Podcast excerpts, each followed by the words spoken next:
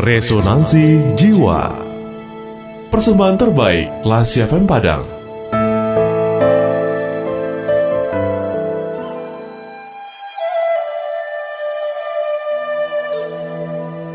Karpet kotor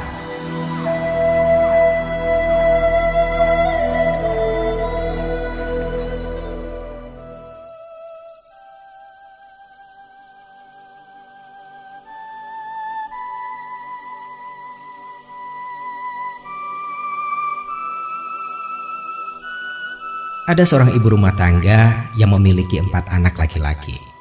Urusan belanja, cucian, makan, kebersihan dan kerapian rumah dapat ditanganinya dengan baik. Rumah tampak selalu bersih, rapi dan teratur. Dan suami serta anak-anaknya sangat menghargai pengabdiannya itu. Cuman itu tadi, ada satu masalah saat itu. Wanita yang pembersih ini sangat tidak suka kalau karpet rumahnya kotor. Ia bisa meledak dan marah berkepanjangan hanya gara-gara melihat jejak sepatu di atas karpet. Dan suasana tidak enak akan berlangsung seharian penuh. Padahal dengan empat anak laki-laki di rumah, hal ini mudah sekali terjadi, terjadi dan terjadi lagi.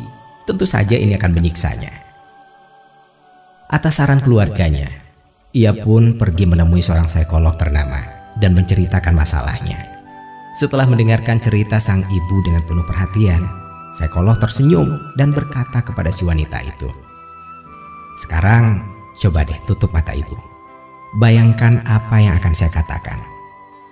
Ibu itu pun kemudian menutup matanya.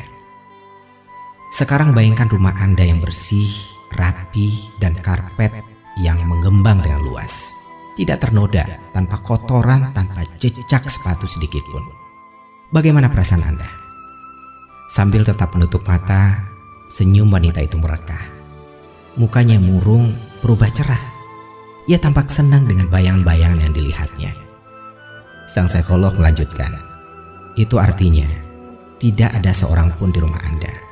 Tidak ada suami, tidak ada anak-anak, tidak terdengar gurau canda dan tawa ceria mereka. Rumah Anda sepi dan kosong tanpa orang-orang yang Anda kasihi. Seketika muka wanita itu berubah keruh Senyumnya langsung menghilang, nafasnya mengandung isak.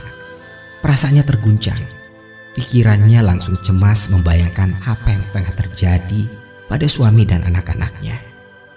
Sekarang, lihat kembali karpet itu. Anda melihat jejak sepatu dan kotoran di sana. Artinya, suami dan anak-anak Anda ada di rumah. Orang-orang yang Anda cintai ada bersama Anda. Dan kehadiran mereka tentu saja akan menghangatkan hati dan perasaan Anda.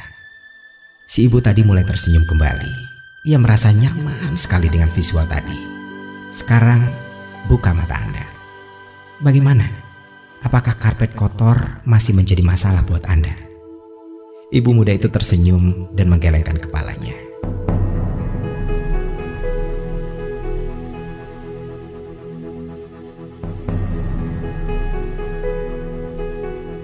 Classy people, jika kita melihat dengan sudut yang tepat, maka hal yang tampak negatif sebenarnya dapat dilihat secara positif.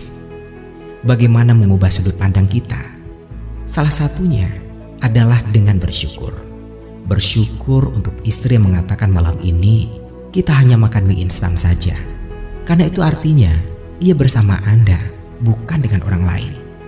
Untuk suami yang hanya duduk malas di sofa nonton TV, karena itu artinya ia berada di rumah dan bukan di bar, di kafe, atau di tempat mesum. Bersyukurlah untuk anak-anak yang ribut mengeluh tentang banyak hal. Karena itu artinya mereka di rumah dan tidak jadi anak jalanan. Dan lain sebagainya, dan lain sebagainya.